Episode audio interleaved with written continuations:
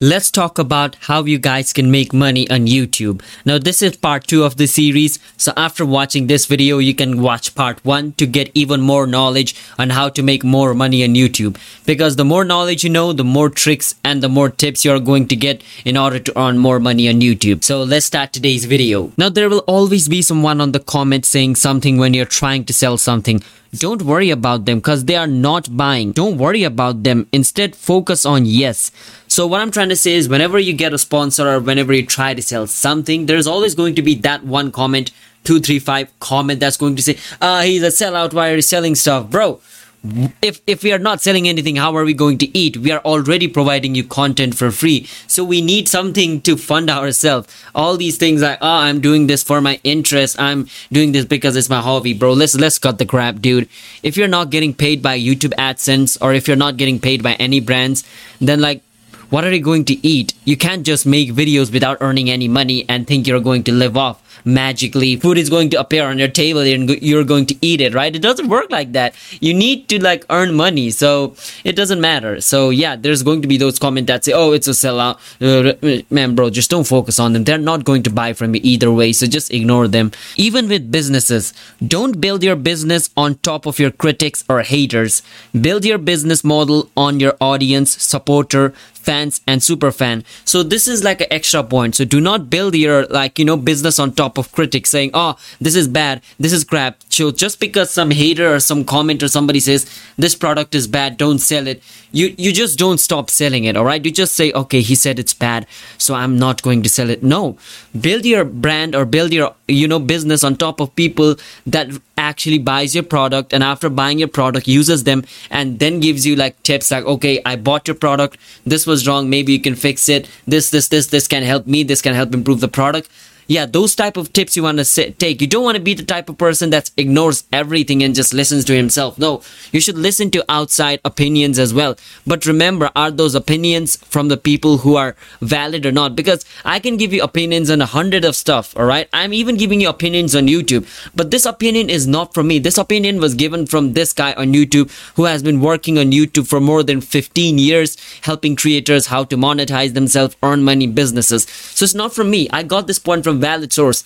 That's why you guys can listen to this video and listen to my opinion. You're actually listening to his opinion, not mine. I'm just translating it to you. Alright, so you don't have to pay $200 for VidSummit. It's a free vid. That's the thing. You have to know where the information is coming from, if it's a valid source or not. So build your brand on top of audience that love you, fans that support you, not on top of critics and haters, alright? Now let's talk about super fans, members, donations. Now if you are confused on what to do for channel membership, do the 5 for 5.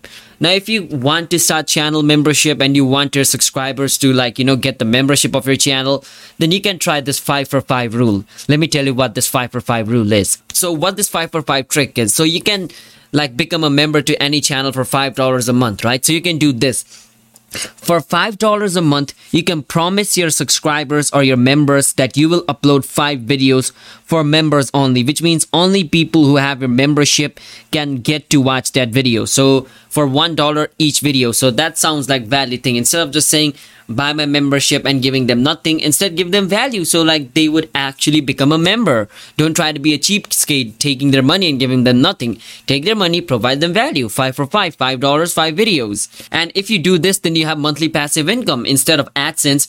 If you have members, then every single month you are guaranteed that you're going to pay a certain sum of money if let's say I have 10 members, then I can guarantee you that I'm going to get paid 10 into 5 that's $50 every single month and youtube is going to take their cut but you you know what i'm trying to say there's like a passive income so, so it's not going to be fluctuating all right?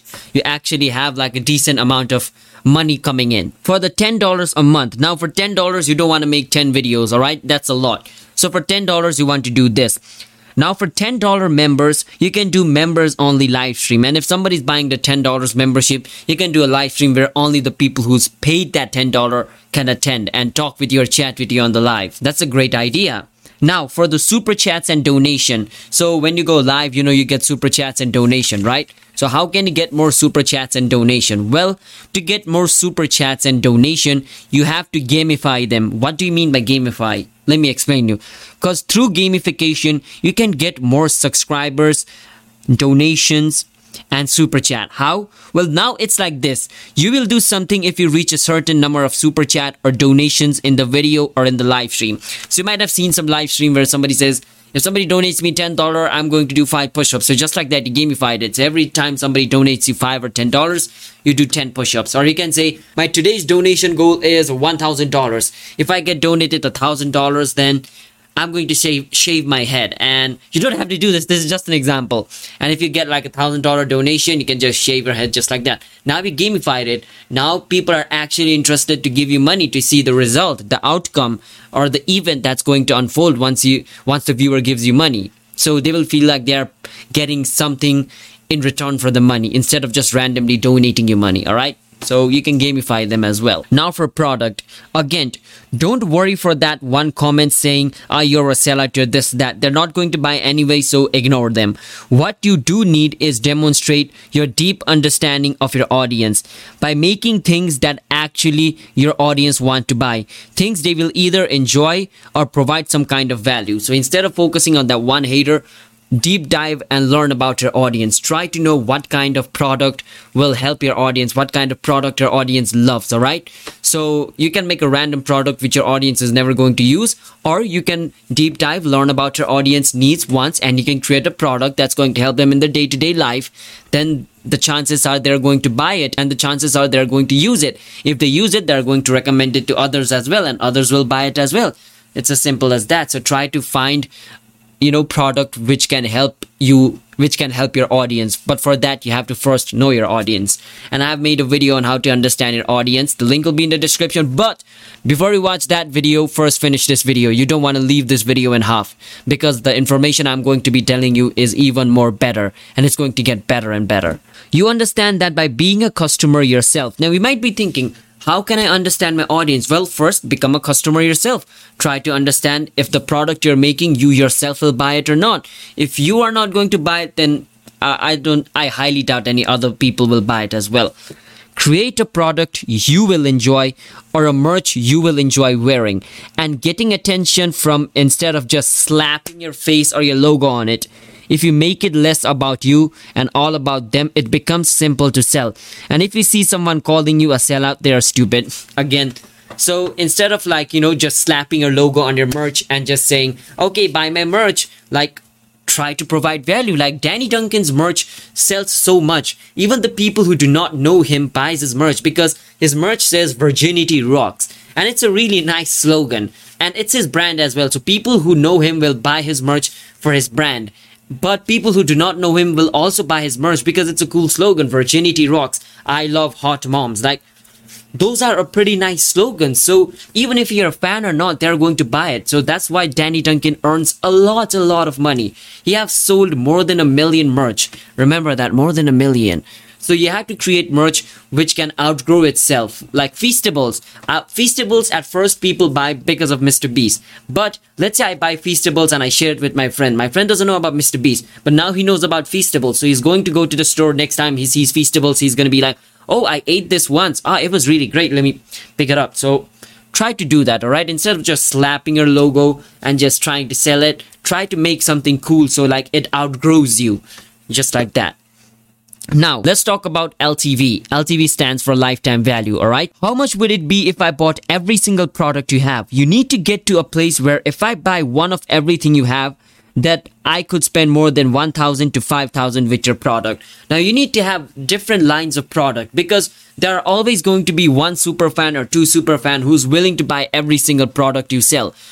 So you have to be in a place where like if one of your fan buys every single product, he or she should be able to spend more than $1,000. If you are lower than that, then you are bottlenecking yourself because if you have different lines of product and like one of the customer likes one of the product, they're going to buy another. If they die like, and if they like that, they're going to buy another. If they like that, they're going to buy another. Just like that, they're going to keep on buying. So the more products you have, the better. But when I say more people just think like, okay, let's make 20, 30, 50, 100 products. But uh, listen to this quote by Steve Jobs. Instead of like, you know, focusing on all 100 products, try to create a lineup or two try to create a lineup of two or three products which is so great that like people actually love it. So what i'm trying to say is yes i'm trying to say you should have a lineup of products which if your subscriber or your super fans buys they should be able to spend more than $1000 but what i'm not trying to say is just create 20 30 40 50 products and like most of them are just crap don't do that all right? If you're trying to create different line of product make sure you put make sure you put equal effort on all of those products. Don't just focus on one and then create five random products just hoping like they will buy it. I mean yeah your super fans will buy it but will they enjoy it? Will they find value in it? Because like lifetime value make sure that product helps them improve their life. So make sure if you're creating different lineup of products make sure they're actually good. Now remember when i say create different products and create like lineup of different products you might think my audience is never going to buy all of them. Like i don't think my audience will buy all of them. And no you have to remember this thing like this is not for everybody in your audience. You can make low price point product or entry level price point product as well. Let people support you at that level. And why i'm trying to say is make a product that's $10 another that's 20 another that's 30 40 50 60 70 just like that. Like don't just make a product that's $100 and the other product $1000 because all of your audience can't afford that but they do want to support you. So make different level entry point product. $10 most of them can afford. $20 most of them can afford. But above $30 it starts to get expensive. So try to have the different price point product all right? Because most of the time the audience just want to support you but they don't have enough money. So make sure you have a product that like satisfies them so they can support you by buying that product. Don't just make a $500 product and only like a couple of them buys and all like all those other fan who wants to support you they can't afford it. So try to have different price point product. That's why i'm trying to say create a different lineup of products. I mean if they're super rich then of course they can buy all of them but most of your audience are not going to be super rich. They're going to come down to this point from like $10 to $100 there are going to be people who are willing to spend more than 100 but there's not going to be a lot of them but don't assume for a moment that they are not willing to spend a hundred to a thousand dollars. As I said, don't assume like nobody's going to spend a hundred dollars or a thousand dollars in a product because there are some super fans in your audience that have that money, but you just don't have any way to extract the value because you might have a millionaire audience who's willing to support you, but he just can't support you because you don't have any medium to let him support you.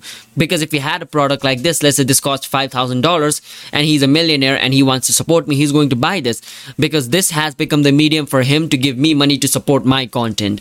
So try to have that different range price point as i said. Give them the opportunity to decide. Create a product. If they like they're going to buy. If they're if they don't they're not going to. Give them the opportunity to decide. Don't decide it for yourself all right? It's their money. It's not yours don't let a hater in the comment talk you out of giving them value. They will be happy to pay for. And don't let a hater that say, oh, it's a $5,000 product, it's a $100,000 product, nobody's going to buy it. Bro, they are not going to buy it, but there might be other people who are willing to buy it. So they, and if they are willing to buy it, they're more than happy to give you the money. So don't just listen to the comment, alright? Don't be scared or chicken to sell. If they want a refund, just give it to them. Make it easy and hassle free and when i say don't be like scared to like you know sell what i'm trying to say is if you want to sell something don't worry about people talking negative about you all right just sell. Just make sure that if they want a refund make sure that the process of getting a refund is easy and hassle free so you're not actually scamming them all right like if they want to buy they can buy. After they buy it if they don't like just make the refund process really smooth all right don't be like oh this this this this this and you're in that point you're actually trying to scam them. So yeah. Build a relationship with your audience so deep that they are happy to support you. This just comes down to your content and how you make your content. Make sure you make your content in such a way that you build a relationship with your audience. And if you build a relationship with somebody then they will be willing to support you. All right?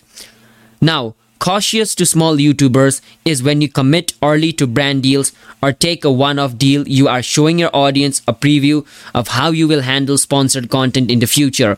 And you want to avoid alienating them early on as it will hinder your growth later. So, to small YouTuber, you might get some brand deals approach. And if you're getting a brand deal approach, most of the time it's going to be one off. If you're not a big YouTuber and you're a small YouTuber, most of the brands are just going to look for a one-time sponsor. Like they just want to be on one of your video and out. That's called one-time sponsor all right? Now this is not for all of them all right? Like if you're in such a point that you really need the money then of course i can say no don't take that uh this that all right? You need the money so of course this is not for all the people. But what I'm trying to say is think about it. Don't try to like, you know, have a brand deal with a product which is so out of your niche. Like I'm in YouTube niche where I teach people about YouTube, how to become a YouTuber. I cannot start selling alcohol. Nobody's going to buy it. So I'm a small channel and let's say an alcohol company comes to sponsor me and I sponsor and let's say I make a video of alcohol over here. Uh, let's say this video was sponsored. This video is sponsored by dot dot dot alcohol. Please drink this alcohol. Bye bye. Now what this is going to do is this is going to make your audience feel a bit odd because they are here for YouTube knowledge. And this alcohol is not going to provide them any knowledge related to YouTube. Instead of this, I could just like have done a sponsor like this. This is a youtube video making phone. By using this phone you can easily make youtube video. It even edits it for yourself so it's hassle free and you can make more youtube videos so you can buy this all right then then it then i provided value to you. Now you're not being alienated all right now you're not being confused because this product is linked with the video you're watching. You're watching on how to improve your videos on youtube and how to get more money. And this product will exactly help you do that whereas this alcohol is not. So even early on if you're getting brand deals or sponsor try to think if this is going to like you know mesh with your audience if your audience is going to click with that product or not but if you really want the money, then I'm not going to say anything. It depends on you. If you really want the money, you take it. All right. I'm not the type of person who says, don't take the money. Uh, you're a seller, this, that, this, that. Because you might be in a position where you really need that money. So I'm not going to say take it or don't take it. This is just a word of caution. All right. You also don't want to get excited and say yes to every single brand deal and even the brand deal that you're unfamiliar with. So just because you get a lot of emails and a lot of brand deals, don't get excited. Try to see which deal is actually good because sometimes we're so excited that we start saying yes to every single thing, all right? And we and they might be like underpaying us and we don't even know because we're so excited. Oh, let's go! I got a brand deal. So when you get a brand deal, think about it. All right, is he underpaying me, or is he like you know trying to sell something which my audience is not going to buy, or is this a scam product? Try to see that because let's for an example, like right now I don't even have 100 subscribers, so I'm in the early stage of YouTube with 100 subscribers. Let's say I sell you a product, and that product is a scamming product, and you get scammed. Then the characteristic I'm going to develop in your eyes is you're going to look at me as a scamming YouTuber. Now the persona of me in your eyes is a scammer, and when you're going to recommend me to another person, you're going to say, hey, don't listen to this channel called Witchey Kevin. He's a scammer. He scammed me. And the other person is also going to have a, the other person is also going to have a negative view on me. So remember this, the product you sell is going to define your characteristic as well. So don't try to scam your audience in any way because the reputation you build is going to go a really long way. So don't think you have 100 subscribers and nobody's going to notice in like 10 or 20 years people are going to notice. So start putting in your own red flags. Like here is what a brand has to do to meet my own personal ethical standard. So even if you're early on on YouTube, make sure you put a standard or make sure you put red flags, alright? Like if a brand has this, I'm not going to work with them. If a brand has this, this, that. Like if you do that, then you're setting up a standard for you and your audience. Because if I set a standard for myself, then my audience is going to view me from that standard. If my standards, if my standards are really low, my audience will view me as a really low standard YouTuber. If it is high, they're going to view me as a high standard YouTuber. So setting a standard from the beginning on like, you know, which brands you are going to work with, which type of product you're not going to work with, like that's setting up a image of you on your audience's eyes, all right? And the red flag could be here is what a brand has to do to be a win for my audience. So the first flag could be that okay, but a brand needs to have these these these point in order to be a win for me and for my audience. And if the brand does not meet your checklist, don't change your list or lower your standards. Now, now after you create a checklist or like a red flag list, then just because the brand does not fit under that criteria doesn't mean you change your list, alright? In that case, what's the point of even making the list? The list is there so that you work with a brand which falls under that list. But if a brand doesn't fall under that list and you just change the list in order to fit that brand, then you're you're going to start changing your list every single time you're working with every single brand. So create a list and stick with it, all right? Because if you set standards, one brand will respect you more and your audience will too. And this is a positive for you and your audience because if you set a standard, one brands will like, you know, respect you because if I only work with respected brands, then other brands who are also respected will want to work with me because the thing is brands only sponsors YouTuber that are respected. And how is a YouTuber respected? By the things he does. If I sell you scamming product, my respect in your eye is going to be really low. That means brand is going to view me as a negative creator and they would not want to sponsor me. So it all ties down to you, all right? So try to have a really good image of yourself in front of your audience. now for amazon affiliate link so in my part one i talked about how you guys can make a lot of money using amazon affiliate link and you might be facing a problem like you can use this app called genius link. Now i'm not sponsored by it. That's why i'm not going to leave any link all right?